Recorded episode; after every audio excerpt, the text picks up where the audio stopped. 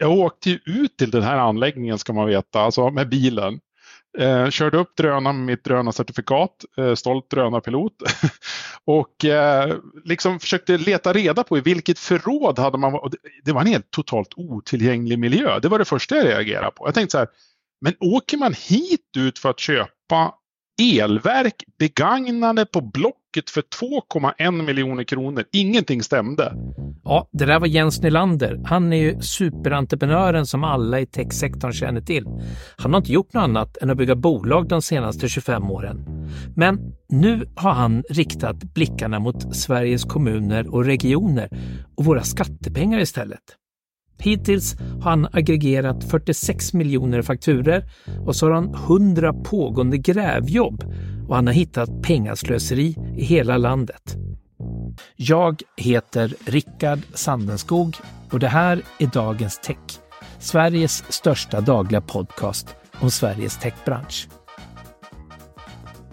Elverk som är värda miljoner som köps på Blocket tidskrifter som får hundratals miljoner över flera år och det är ingen som ställer några frågor. Ja, idag så slungas vi in i Jens Nylanders värld där de där gråa kommunalkorridorerna och slarviga rutiner möter en ganska modern entreprenör med ett sjukt driv att hitta avvikelser i enorma datamängder. Hej Jens, hur är läget? Ja, förutom att man får bläddra igenom fakturor hela dagarna och leta efter vart alla skattepengar har försvunnit så måste jag medge att det är ganska bra i alla fall. Du syns ju överallt. Du är som Isabella Ingrosso liksom, at her peak. Och senast i morse var det med en debattartikel i Expressen där det stod att du tror att man kan spara 90 miljarder kronor på att hantera fakturor lite bättre ute hos kommuner och regioner. Det är ungefär 9 000 per skattebetalare. Men jag tycker ju, när jag gått igenom fakturorna i allt det här materialet så kan jag konstatera att man gör inte smarta upphandlingar. Man, man gör knappt konkurrensutsättningar i många fall och det gör ju att det försvinner otroligt mycket pengar i helt onödiga kostnader. Och eh, om man bara skulle få lite vett och etikett kring liksom, systemet kring upphandlingar och, och, att man förstår att man hanterar någon annans pengar så skulle det bli en markant skillnad i plånboken för alla eh, oss skattebetalare. Och vad är det värsta du har hittat så so far?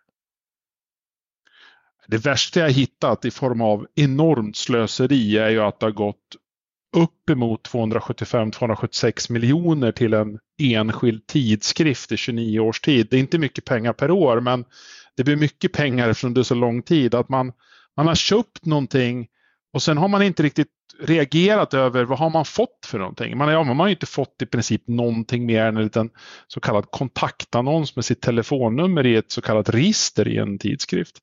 Det, det, tycker jag är anmärkningsvärt att där visar man att man inte kunde ta ansvar för de pengarna man betalade för de här annonserna. Och du har också beskrivit att en kommun valde att köpa elverk som de hittade på Blocket där de fick hämta berättar om eh, på något ställe där det var en massa skum trafik mitt i natten. Det lät ju supersuspekt. Har du grävt vidare i det där? Ja, det här var ju faktiskt en av mina riktiga liksom, journalistiska utmaningar att kombinera video med röst med artikel. Och liksom, jag, jag åkte ju ut till den här anläggningen ska man veta, alltså med bilen. Eh, körde upp drönaren med mitt drönarcertifikat, eh, stolt drönarpilot. och eh, liksom försökte leta reda på i vilket förråd hade man varit. Det var en helt totalt otillgänglig miljö. Det var det första jag reagerade på. Jag tänkte så här, men åker man hit ut för att köpa elverk begagnade på Blocket för 2,1 miljoner kronor. Ingenting stämde. Och när jag var där ute, det var då jag fick svar på mycket av mina liksom, funderingar i huvudet. Hur det såg ut och hur hade man gjort upp affären. Och sen grävde jag ju vidare och hittade att det här bolaget som hade sålt de här elverken, de hade inte tagit upp de här, den här försäljningen i sin årsredovisning. Sen lämnade ju såklart företagsledaren en massa förklaringar till det här, men eh, ja, de kan man ju undra om de håller. Det får väl en framtida utredning visa helt enkelt. Men det var, det var mycket konstiga saker kring en Blocket-försäljning på 2,1 miljoner.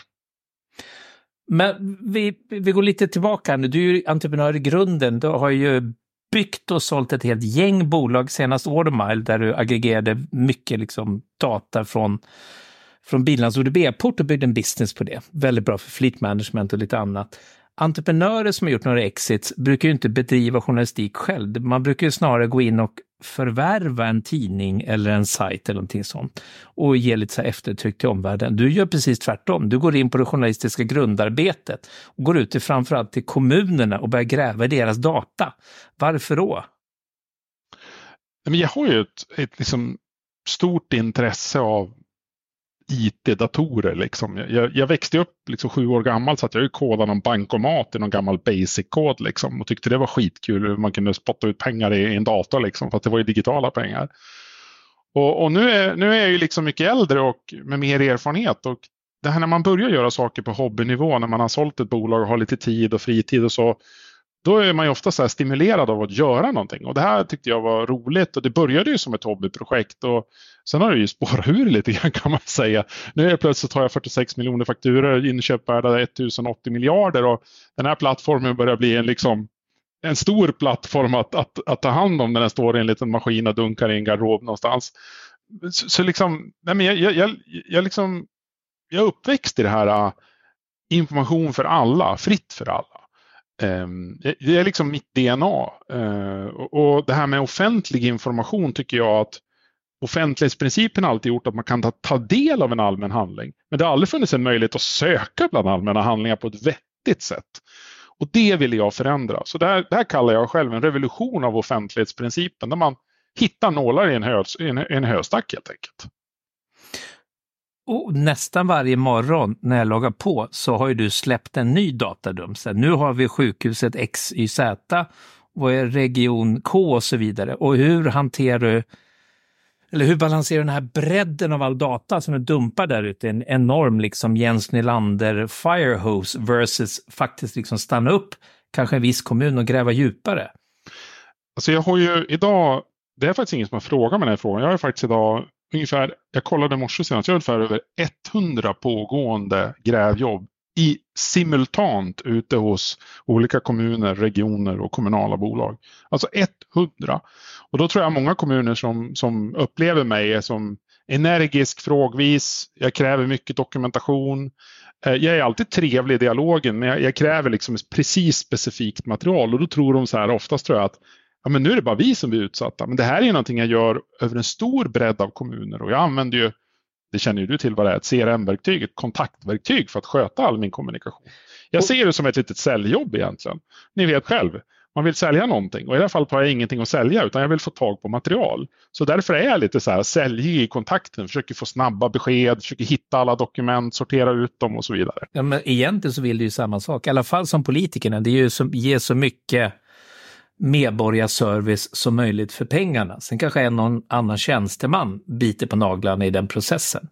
Du säger 100 grävjobb, betyder alltså att du har fått signaler på att här är någonting skumt eller någonting oförklarligt och så begär du ut mer data. Och du har alltså 100 sådana trådar ute simultant just nu.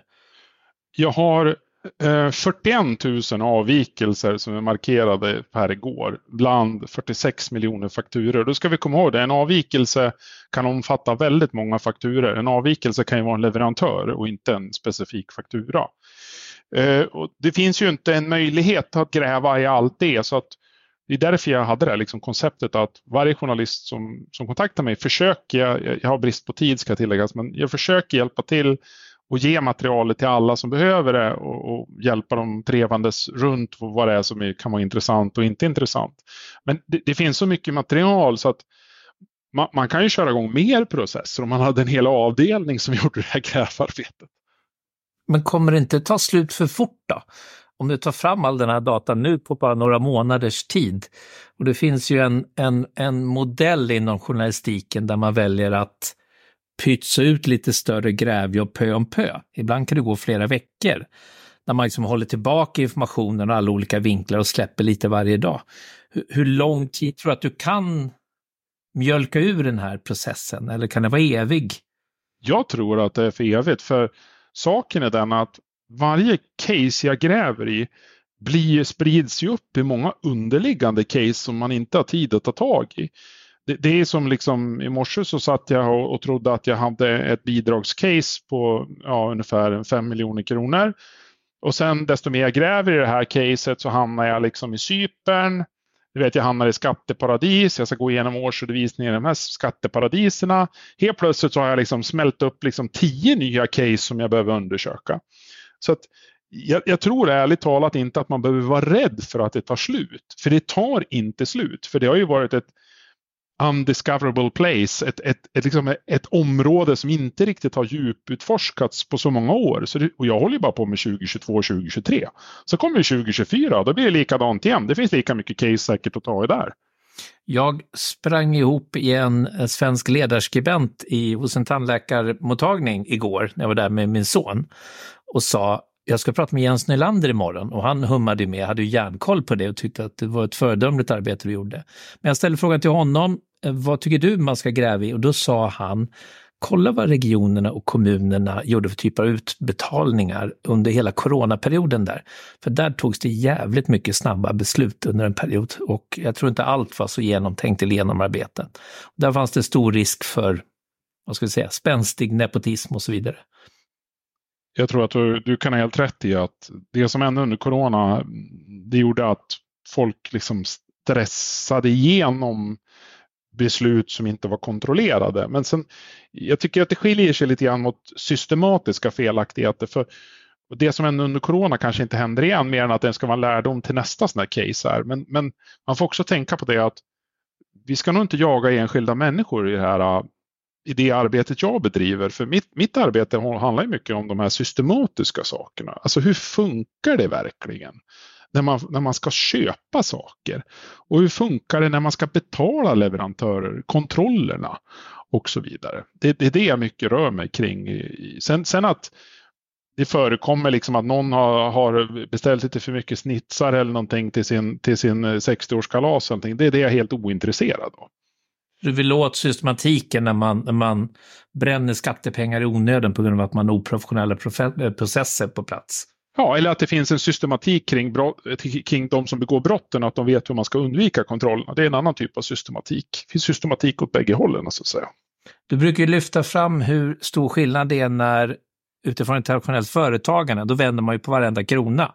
I alla fall om man är delägare och gör sina inköp hela tiden. Hur får man in den typen av kultur och tänkande i en kommun som kanske har andra drivkrafter bland tjänstemännen än just att vara smart på öret varje dag? Ja, alltså jag tror ju att man måste ju börja liksom med en hard reset på marknaden. Alltså, om jag nu på det här sättet jag gör nu och skådliggör och så är sökbart då blir det automatiskt en dialog mellan tjänstemän, politiker och allmänheten. Det är det som ska leda till förändringen vill jag. Jag tror inte att man kan ha pekpinne och gå runt och tillrättalägga enskilda tjänstemän. Det kanske upplevs som så när jag kontaktar tjänstemännen för att begära material. Men syftet är att tjänstemännen till slut ska känna sådant ansvar för pengarna att förändringen kommer från insidan och inte behöver ske genom för allt strikta regler. För annars måste vi ju strypa ner reglerna så man får i princip inte köpa någonting utan att någon som är opartisk är involverad. Så det är inte mer lagtexter och pekpinnar utan det är snarare kulturskifte? Jag tror man, ett smärre antal förändringar som jag skrev i debattartikeln är nödvändiga, men de är ganska små skulle jag vilja påstå om jag skulle bli inbjuden till regeringen och föreslå vad man skulle kunna göra. Jag tror att majoriteten av det här löser vi genom en aktiv debatt och ett, ett större behov av att man förstår att tjänstemän måste agera väldigt ansvarstagande kring inköpsfrågan. Mycket mer, det sträcker sig långt utanför vad man normalt sett tycker att man tar ansvar för. Jag frågade lite journalister vad de tyckte om ditt arbete. Kände de sig hotade och alla de där grejerna? Och det, svaret var nej, tvärtom. De var ju ganska, de var ju överlyckliga. Eh, däremot så det, det råder ju, eller vi har lite annorlunda perspektiv sa de, att, att en journalist måste vara rätt hundra gånger av hundra, kunna trovärdighetsskäl. Vi, vi får inte ha fel någonstans.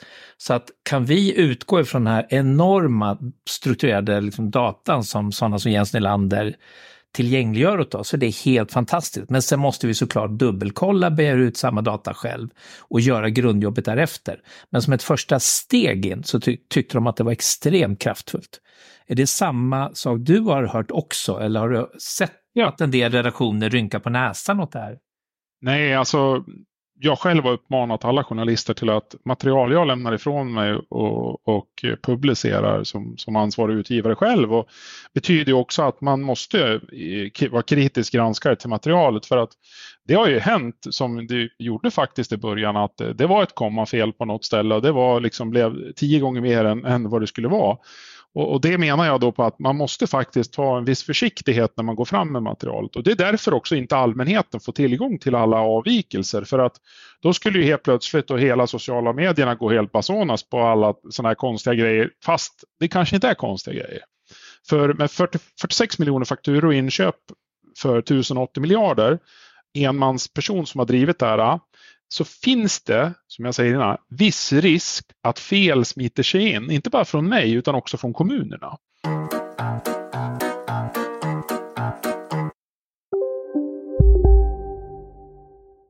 Hej, Synoptik här. Hos oss får du hjälp med att ta hand om din ögonhälsa.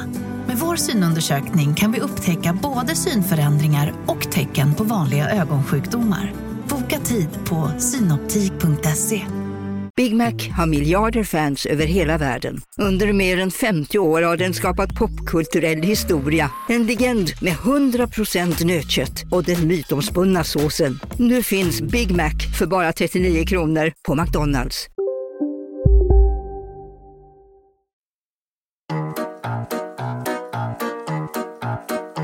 Du får ju extremt mycket uppmärksamhet nu och hade det här varit ett bolag du hade byggt just nu och fått den här PR-effekten så hade det mätts i kanske tiotals miljoner eller hundratals miljoner.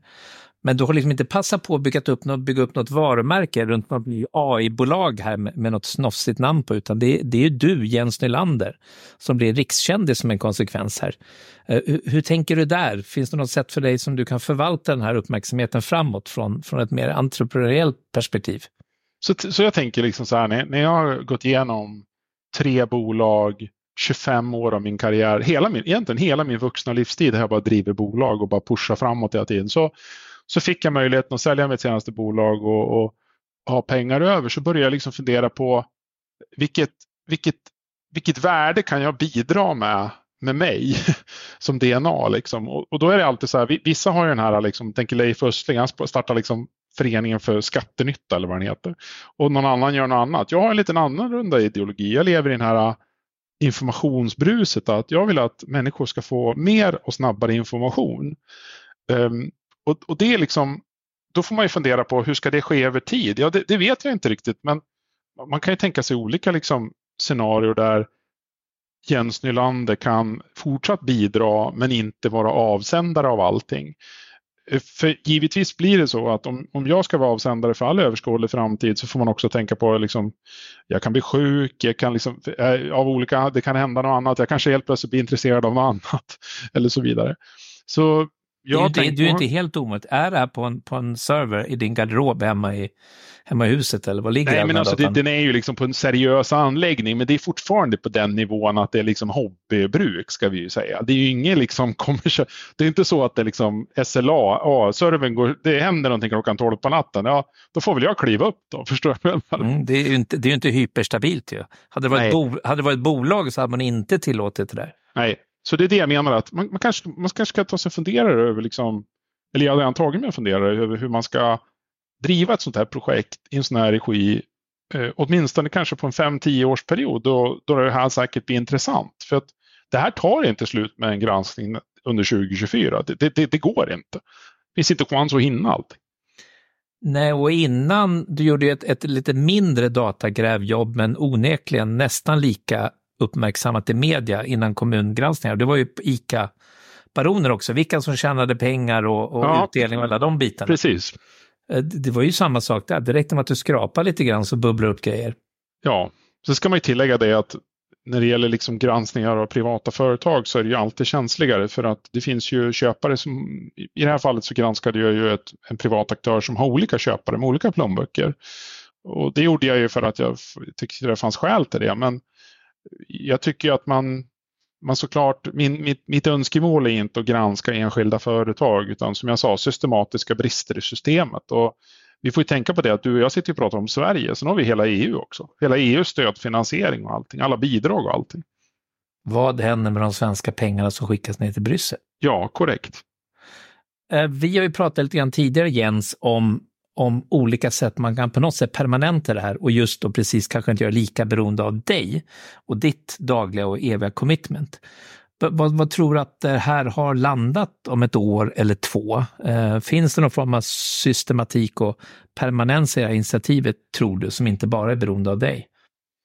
Ja, men jag, jag tror det. Om, om, om momentum och intresse fortsatt finns i frågan om och skådliggöra offentligt data bättre i Sverige och tillsammans med svenska skattemedel eller som, som går utomlands till EU och tillbaka från EU så tror jag att eh, det finns stor chans att, att bygga eh, ett, ett, säkert sätt att se till att eh, media, allmänheten och även eh, de, de offent, det offentliga kan få de här uppgifterna på ett kostnadsfritt sätt över jättemånga år framöver, det tror jag. Men det, det bygger ju på att mer, mer människor än, än mig lever med det här ideologiska att det här är viktigt och kan, kan betala för att det är viktigt. För, för det, det, det, tyvärr i slutändan så slutar det att det är någon som ska betala för det. Men än så länge så tycker jag att din arbetsinsats och eventuella hård och mjukvaror ser ut som en ganska billig peng i relation till den typen av systemfel som du har upptäckt och som förhoppningsvis då på sikt kan, kan eh, tillrättaläggas så att det funkar bättre i framtiden. Det är vi ju alla intresserade av. Så att vi får väl hoppas att det är folk som plockar upp det här. Om man är exempelvis en ung entreprenör, man är tekniskt skicklig, kan man vara med och hjälpa till på något sätt? Eller finns det tips att göra liknande saker inom andra sektorer? Nej, men eh, man kan säga så här att jag får ju jättemycket äh, frågor från folk som önskar hjälpa till. Och det, det som är lite svårt då när man är ensam individ så här och inte organiserad under kanske en förening eller stiftelse eller så vidare, då är ju att då blir det ju lite grann konstigt. Äh, jag är ansvarig utgivare då såklart. Det kan jag vara ändå. Men sen så blir det liksom vad ska man utan något avtal, vart ska man trycka in människor och vad, hur, hur, ska deras arbetsinsats reflekteras i någonting? Med mitt namn som avsändare, du förstår vad jag säger, alltså det blir lite ja, rörigt. Med dubbla, då tycker jag så här istället att det som är bättre i så fall det är att som vi har pratat lite grann om, att få det att leva under längre tid. Och det har ju liksom en rad organisationer. Vi, vi har vid något sammanhang nämnt Bellycut till exempel, Bellingcat eh, som exempel. Eh, och det finns ju andra liknande initiativ när det gäller liksom, ja, datajournalistik om jag får kalla det det. Men nu är jag, pratar jag om, om tillgång till data. Det är lite annorlunda för de här bedriver ju journalistik också. Kommer ditt nästa kommersiella bolag i din entreprenörsresa pyssla med något liknande som det du håller på med nu? Eller kommer det vara någonting helt annat? Nej, men jag inbillar mig att det är någonting inom kanske en annan, en annan falang av det här. Jag, jag, eh, jag förstår och jag, jag uppmuntras av tanken att det går att, att liksom bygga bolag kring det offentliga och, och hjälpa dem med, med, frågor kring utbetalningar och upphandlingar och så. Men jag tycker att det finns många bolag som har goda initiativ och de berättar ju för mig att de gärna vill använda mig och så vidare. Och det, det tycker jag är kul att de säger det, men samtidigt så har jag liksom nu har jag sagt att det här ska vara fritt och för evigt och jag inte har ett kommersiellt intresse och då står jag faktiskt för det. Sen eh, vad jag vill bygga är ju kanske inte någonting som efterliknar det här riktigt, så det har, det har inte riktigt med samma sak att göra. Det är februari, det vill säga senvinter eller tidig vår i Sverige. Har du tid att åka skoter? Ja, jag skulle ju ha åkt. Ja, alltså jag har varit i Kanada och åkt och hade svinkul. Men jag fick ju sitta och jobba hela tiden, kvällarna och nätterna. Och nu var tanken att jag skulle åkt igen, men då, då, liksom, då blir kalendern full. Jag, jag, jag, jag, jag ska försöka, men det, det, är mycket snö i, i Lappland, men jag har inte fått tagit del av den än kan jag säga. Ja, ja, men det är väl snö någon månad till, eller hur? Ja, ja, ja jag ska nog klara. Någon, något tillfälle till får jag säkert. Jens Delander, stort tack. Lycka till. Tack. Imorgon, ja, då får ni träffa Sveriges smartaste datajournalist. Hon heter Helena Bengtsson och hon har vunnit Stora journalistpriset två gånger och Publicistklubbens stora pris förra året. Det är nog det finaste man kan vinna som journalist här i Sverige. Hon kommer att berätta fantastiska berättelser till exempel om hur journalisterna bakom Panama Papers, där hon var en av dem, fick jobba i hemligheter med fördragna gardiner för att ingen skulle riskera att avslöja ett av decenniets största nyhetshändelser. Dagens Tech är Sveriges största dagliga podcast om nyheterna och människorna i den svenska techbranschen. Podden den görs av mig, Rickard Sandenskog och produceras av Halvt Vargtjut Media AB. Och musiken kommer från Epidemic Sound. För att hjälpa oss med podden så skulle vi bli glada om du gjorde två saker. Följ oss eller prenumerera på oss i din favoritpoddspelare nu och tipsa alla dina vänner. Vi hörs!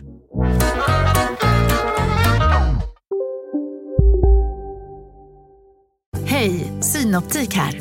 Livet med glasögon ska vara bekymmersfritt. Därför får du 30% på alla glasögon när du väljer Synoptik All Inclusive. All service ingår alltid.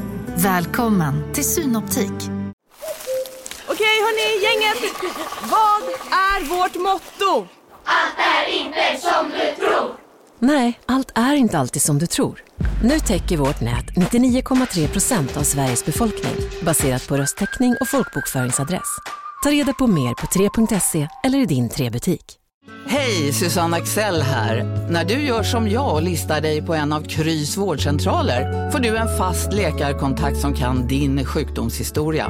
Du får träffa erfarna specialister, tillgång till lättakuten och så kan du chatta med vårdpersonalen. Så gör ditt viktigaste val idag, lista dig hos Kry.